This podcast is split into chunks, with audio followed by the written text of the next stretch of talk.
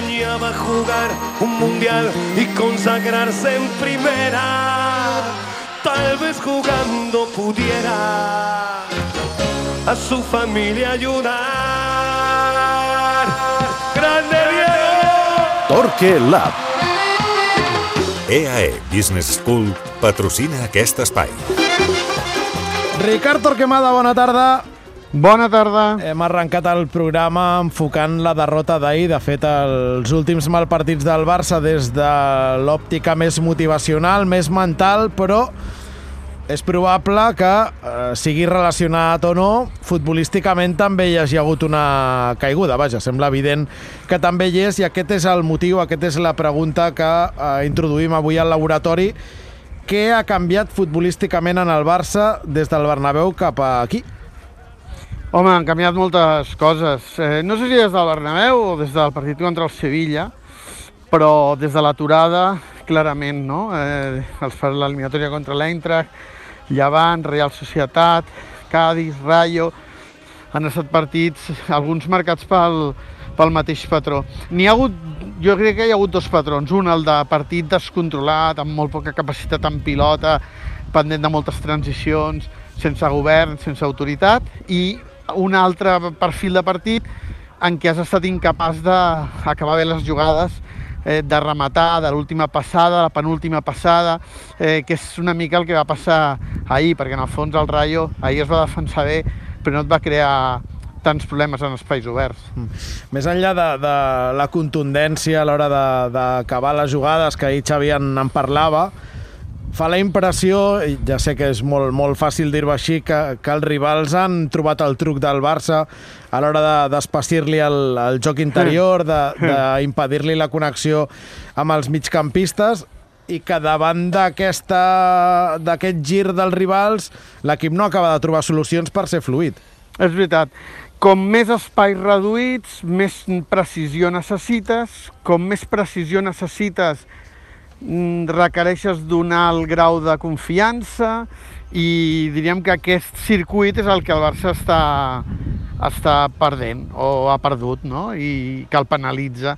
No és un equip sobrat de talent i quan la confiança no és al màxim, una passada que t'atreviries a filtrar no la filtres, una que no has de filtrar la filtres per impaciència i tot això genera eh, cada cop mm, menys autoestima, més falta de confiança i l'equip la sensació és que ha perdut el joc interior, que recolza molt en l'apertura per amplitud i que l'extrem se la jugui, que gairebé sempre és Dembélé perquè és qui té desequilibri, però clar, això fa molt previsible el Barça.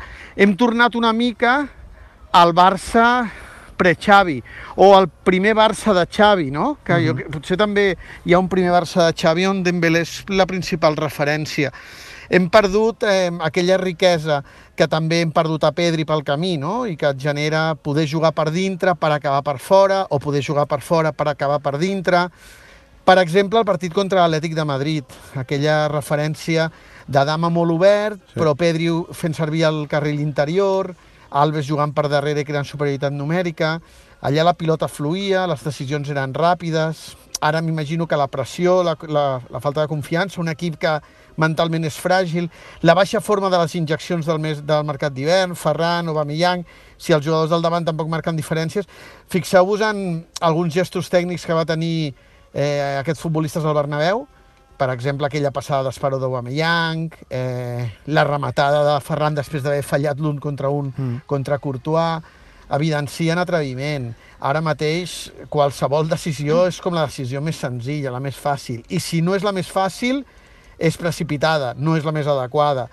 I clar, això va castigant, jo crec, la confiança d'un equip que demostra que no estava preparat per, eh, per tenir un punt d'inflexió, és a dir, que no estava prou madur, que el que va passar al Bernabéu també jo crec que va afectar perquè va ser un regal eh, que el Barça es va fer, però no va ser un canvi d'escena i la sensació és que tots teníem tantes ganes en aquell punt d'aquell punt d'inflexió que mentalment la sensació és que l'equip va, va interpretar, però també l'entorn, eh, un canvi quan encara no tocava. El procés es preveia més llarg i, i, i, i tornem a estar atrapats en el fang. Uh -huh.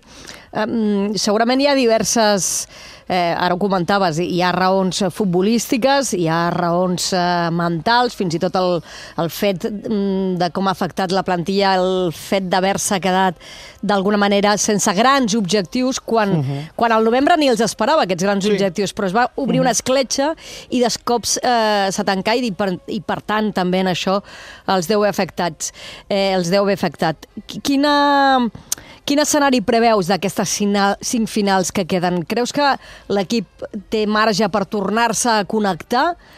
O ara ja del que es tracta és eh, d'aconseguir com sigui la classificació per la Champions, però no, mm. futbolísticament ja no veurem cap creixement. Home, la veritat és que ara em sento bastant insegur per, per mm. preveure, mm, perquè sí. el partit d'ahir per mi era molt important. Eh, jo crec que amb eh, la victòria del camp de la Real Societat, encara que fos d'una manera agònica i amb poc futbol, diríem que et rescatava una mica de, de, la, de la cadena de resultats negatius i el partit d'ahir havia de servir per fer el pas endavant i deixar enrere aquesta minicrisi. I el partit d'ahir el que fa és demostrar-te que encara hi ets, vull dir que no, que no has fet net.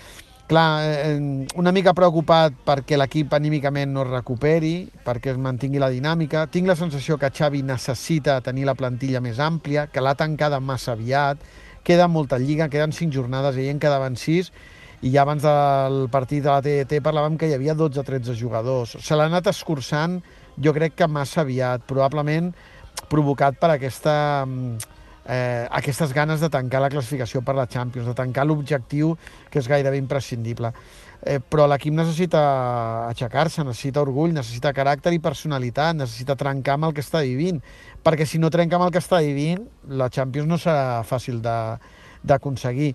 Eh, si trenca, i jo crec que l'única manera de fer-ho és que Xavi introdueixi més futbolistes en, en la dinàmica, eh, que, que, que, que no es repeteixin més eh, alineacions, eh, és a dir, que obrir una mica, eh, que corri l'aire, perquè si no ens ofegarem. Són cinc jornades i hi ha jugadors que ja van demostrar ahir que estan en una crisi de confiança altíssima. Per exemple, a mi els minuts de Memphis de la segona part, mm -hmm. crec que és, una, que és una qüestió que el Barça ha de valorar. És l'únic jugador que va entendre el partit entre línies, que va poder rebre el quadrat que li agrada a Xavi, que quan va girar va crear un problema al Rayo, la passada Gavi del penal no xiulat, la rematada de Memphis, que no és gaire bona des de la frontal al centre de la porteria, la passada Nico, que Nico es frena, res, en 20 minuts Memphis va generar entre línies tres accions que la resta de futbolistes durant els 90 no va poder, no va poder fer. Doncs justament jo crec que el que el Barça necessita és una mica més de joc interior eh, i que l'ha perdut des de la, des de la lesió de Pedri. Això t'anava a dir Clar, ahir el, el Jaume ens donava bones dades uh, de punts a la Lliga amb i sense Pedri, bestials. Eh, sense el Barça suma poc més del 50% de, de punts a la Lliga, amb se'n va gairebé al, al 90 com a recurs per, per, eh, per, per uh, apaivagar aquesta falta de, de llum que té l'equip, tu hi veus Memphis, eh?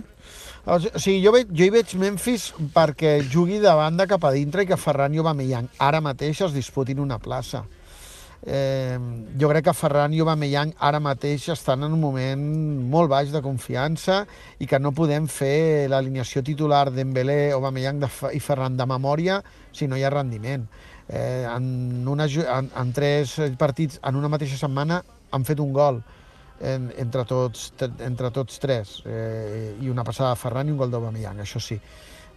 És molt poc bagatge quan és un equip i una davantera que accepta Dembélé, però que ha fet moltes passades de gol, Ferran i Aubameyang, des que van arribar, em sembla que han fet, no sé si 17 gols entre tots dos. Per tant, estem parlant d'unes xifres considerables eh, jo crec que hem de sortir d'aquí. I una manera per sortir d'aquí és que Memphis no jugui de nou, sinó que jugui de banda cap a dintre, cap al quadrat, eh, perquè eh, jo crec que els minuts, millors minuts de Memphis aquesta temporada, sobretot des que va arribar Xavi, els vam veure a la pròrroga contra el Madrid a l'Aràbia Saudita, quan va jugar per darrere del davanter centre, contra l'Elx, quan va jugar d'extrem cap a dintre perquè Ferran era el nou, i ahir, totes aquestes accions que va generar de, de rebre eh, entre línies. Eh, no, no el veig, evidentment, d'interior. eh, i no el veig de nou, que el dia del Cádiz va estar mm, més vegades a terra, eh, amb els contactes amb Fali, i fixant els dos centrals d'esquena a porteria, que no pas apareixent en aquesta zona, eh, que és la zona associativa. Si el davanter fixa els centrals, ell encara pot aparèixer millor en, aquestes, en aquests espais. És veritat que ell s'ha oblidat una mica d'aquell extrem, que era molt encarador, però eh, aquests moviments eh, i deixar la banda cap a Alba és un altre matís. Necessitem matisos nous, necessitem sortir d'on som, eh, elements que tornin a sorprendre el rival, si Alba en aquesta zona d'interior no fa mal que pugui tornar a obrir la banda, és a dir, necessitem que el rival mm, torni a dubtar de què li presentarem. Ara mateix jo crec que el rival sap molt bé eh, contra qui juga, ho va demostrar Sergio, ho va demostrar Iraola, i si el Barça més no té confiança, doncs tot és més previsible encara. Això en la faceta ofensiva, en la faceta defensiva, um, clar, posar espelmes perquè Piqué aguanti el que pugui d'aquests cinc partits que queden, no? I tant, eh, va dir que em sembla que era Òscar Hernández ahir que no pot jugar dos partits per setmana, doncs un per setmana. Hi ha una jornada intrasetmanal, doncs aquella que descansi un dia, però ja ho vam veure a Noeta. O sigui, eh, jo crec que és el jugador que ha millorat més des de l'arribada de Xavi. Vam ve, veiem un Piqué que corria cap enrere abans de Xavi i que torna a córrer cap endavant amb Xavi, que té autoritat, confiança, que Noeta va resistir gairebé coix, eh, que transmet estabilitat, que l'equip li dona llum de la des de la sortida quan ell, Araujo i Eric van patir molt en aquesta primera passada, eh, i que l'equip admira com a líder. Jo crec que és un dels lideratges reforçats, el, el de Piqué. Eh, potser no és casualitat, o potser sí, però en tota aquesta crisi, els dies que Piqué no hi ha estat, el Barça ha perdut, els dia, el dia que Piqué ha estat eh, ha guanyat, i, i poso un altre nom que jo crec que ha jugat a baix nivell, però que potser també és una casualitat, però els dies que Alves ha jugat, el Barça ha jugat malament, però ha guanyat. Ha jugat malament, però ha guanyat. Els dies que Alves no hi era... Matemàtic, eh? Ha jugat malament i ha perdut. No, espera't, que ara treure pit dels no, mals no, partits d'Alves. No, no, no, amb, no. Alves, amb Alves al camp, i sí, aquí sí. hi ha una part de personalitat i d'impacte en l'equip que l'ha tingut des que va arribar el Nadal, d'aquesta fase de crisi, amb Alves al camp, no hem palmat ni un partit. No, hem Però jugat el, malament. El dia, el, dia del, el dia del Llevant, que es guanya el partit, sí. podríem dir que es guanya malgrat Alves. No, és que es guanya quan Alves ja no hi és. És veritat que manca Luc de Jong, que hi ha entrat Araujo. Però no, era, era una dada... en contra... Era, era una dada que, que, que probablement és casualitat, però... Mm però, les casualitats però que, no existeixen, en quin percentatge és casualitat i en quin percentatge ara, ara. ajuda que no, no? Ara. Eh, doncs ara, sense Serginho Des... Bé, hi haurà de ser, exacte. O, o si Alves, no... no? Perfecte. Doncs uh, guanyarem tots els partits que queden, si l'estadística no, no ens manté. Si el físic li ho permet, no? Perquè ahir sembla ser que partit, no devia estar del tot bé, no? per setmana si no, va, no va sortir. Anem sobrats. Bé, doncs el Ricard Torquemada, que demana una sacsejada de pissarra i de noms en aquests últims cinc partits per uh, treure l'equip de la sotregada evident en què, en què ha entrat. Ricard, gràcies. Adeu.